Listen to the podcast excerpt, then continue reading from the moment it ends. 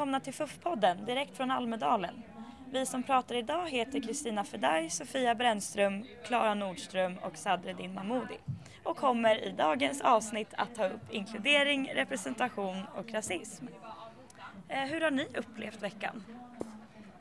Jag har upplevt veckan väldigt positivt. Eh, jag har samtidigt mest varit på Sverige världen-torget vi rör oss mest där, vi som jobbar på FUF, och vi går inte så mycket utanför. Eh, och en upplevelse är att eh, vi rör oss i olika världar även här på Almedalen. Att eh, näringslivstopparna är i en del av Almedalen och vi som är intresserade av global utveckling, hållbar utveckling, eh, rör oss mest här. Så det blir lite informationsbubblor helt enkelt. Eh, och det är ju någonting som man hade önskat att Almedalen hade varit bättre på för att vi är samlade på samma plats. Vi är så himla nära varandra. Så det hade kunnat vara ett väldigt bra ställe att mötas på. Och eh, jag har mött jättemånga intressanta människor men det är mest människor som är intresserade av samma sak. Ja men jag håller nog med dig där. Alltså Sverige-Världen-torget hävdar ju sig också vara liksom en inkluderande plattform där det finns ganska stor representation. Men min känsla av den här veckan är snarare att här, alla dessa panelsamtal lyfter jätteviktiga frågor. De pratar om SRHR, de pratar om Agenda 2030, det är migration. Så de, de, håller liksom, de har ämnena och det är experter som pratar. Men jag tycker snarare att här, det finns en ganska stor konsensus i alla paneler. Eh, och det, det, är ganska lite friktion och just det här med så här, hur representa representativa är vi egentligen? Håller verkligen med dig. Eh, jag tänkte på när vi gjorde vår enkätundersökning så var ju det faktiskt första gången vi rörde oss utanför det här tältet. Eh, och vi gjorde ju en undersökning bland vanliga besökare. Eh, och representation är ju viktigt för oss så vi försökte ju verkligen liksom fråga människor med liksom all möjlig åldersspann, ja, men, etnicitet, you name it. Men eh, jag slogs bara av en tanke eh, där när vi gick omkring på stan att det var verkligen svårt att, att hitta människor som kunde liksom representera alla möjliga delar av vårt samhälle. Så att uppenbarligen så har ju Almedalen ändå vissa problem med att så här, spegla jag vet inte, vi har liksom inte hela samhället på plats och Almedalen har inte riktigt lyckats med det ändå.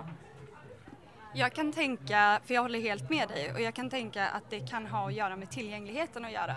För Almedalen ligger här på Gotland, eh, långt borta, det kostar pengar att komma hit.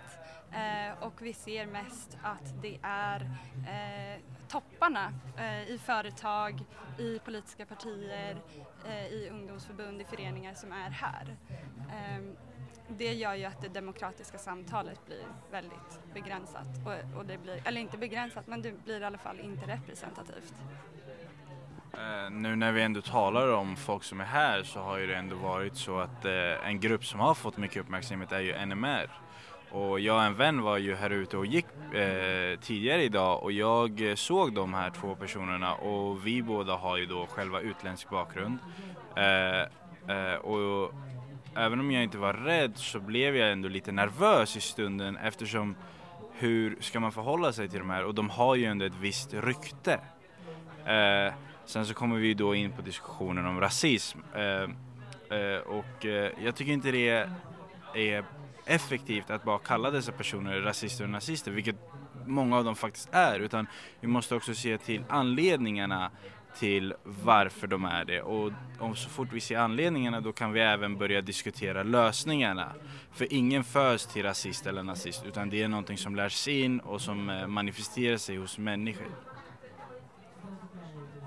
Ja, eh, men jag var ju också förbi där och de är ju inte bara två. Utan jag, eh, av någon anledning så kände jag att nu ska jag gå fram och prata med dem. Eh, och de var ju inte bara två utan de berättade ju för mig att de är hundra personer från Nordiska motståndsrörelsen här på plats. Eh, och det har faktiskt varit en upplevelse som har varit helt sjukt jobbig för mig hela veckan. Att går jag runt hörnet så står Alternativ för Sverige på Donners plats. Så går jag ett kvarter till så har SD en fantastisk trädgård som de liksom har hyrt in sig på. Och så, så går man lite till så hittar man de här människorna. Och eh, jag vet inte, det blir liksom jag ifrågasatte om jag själv var en del av normaliseringsprocessen när jag faktiskt så lugnt och sansat gick fram och diskuterade med de här nazisterna. Jag kanske inte borde ha gjort det. De borde inte vara här överhuvudtaget. Ja, och jag tycker du lyfter jätteviktiga frågor. Eh, men det är också en risk känner jag att allting bara överskuggas av att de är här. För precis som du säger så blir man, man får så himla starka känslor kring att de är här. Ehm, och eh, samtidigt har man haft väldigt intressanta samtal under den här veckan. Ehm, och de flesta i Sverige tillhör inte de här grupperna, även om de här grupperna växer sig starkare och blir allt flera. Så jag tänker också på, ska man ens nämna dem? Ska vi ens diskutera dem här i podden? För att det finns majoriteten tillhör inte dem. Vad tror ni om det? Eh, jo, jag, jag håller helt med dig faktiskt. Eh, det är, du har så rätt så. Eh, jag har faktiskt tänkt på det de här senaste åren och speciellt den här tiden nu. Att jag tycker det är ganska sjukt egentligen att, att 20 procent av Sveriges befolkning får en så dominerande ma eh, makt i frågorna och att det är deras fråga som lyfts upp när, när 80% egentligen inte anser att de här frågorna är lika viktiga. Däremot tror jag att det beror på att de har en enfråga som de eh, fokuserar på medan de resterande 80% inte är en enhetlig grupp utan har andra frågor som de representerar. Eh, vilket såklart gör att det kan bli svårt att de här 80 procenten säger vi vill diskutera annat och då kommer frågan vad vill ni diskutera och alla måste höra sig. Men vi ska inte låta minoriteten representera majoriteten och de är ganska långt ifrån Sveriges majoritet. Ja, men med majoritet så tycker jag också att det handlar om så här, nu när vi kollade på alla våra individuella texter så alla seminarium som vi har bevakat känns som att vi i redaktionen står för en ganska så här, gemensam kritik. Och det kanske är, det kanske finns en anledning till varför de här krafterna liksom växer sig starkare på det sättet de gör. För de har också en väldigt tydlig agenda och jag tycker det kan vara ett problem just med våra typer av Agenda 2030 och de globala målen att det är så inkluderande. Eh, och inte att inkluderingen är problemet men att det blir, det blir just inget konkret konkreta förslag. För trots att liksom, personerna som blir representerade på här Sverige Värld sitter, besitter så sjukt mycket kunskap och kan, jag vet inte, de är liksom så himla coola. Men ändå så kommer man inte åt vad man faktiskt ska göra eller hur man ska göra det. Och å ena sidan så kan jag förstå att så här, såklart att det blir svårt att ge konkret ett tillvägagångssätt på de här 40 45 minuterna som seminarierna är. Men det är ändå någonting som jag hade velat önska ha mer av. Vad, vad tänker ni om det? Jag tänker precis som du säger att det blir den här konsensusen som råder bland vissa grupper.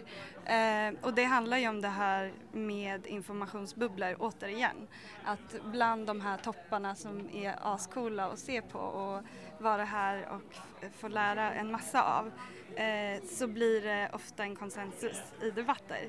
Eh, men samtidigt går man, rör man sig utanför eh, utanför vår Sverige i världen-torget till exempel så pratar människor precis som du din lyfte så pratar människor jättemycket om det här med eh, migration och invandringspolitik och säger att de inte har tid för annat. Det intrycket har jag fått och, och det är väl så Sverige ser ut idag. Människor bryr sig om det och hur ska vi ta tag i det? Ja, det är otroligt, verkligen. eh, tack för en intressant diskussion. Eh, och tack eh, ni som lyssnade. Eh, gå in på fuff.se för att se allt vårt material från Almedalen och glöm inte att följa biståndsdebatten på Facebook och Twitter. Eh, nu är vår vecka slut. Eh, men vi ses igen nästa år.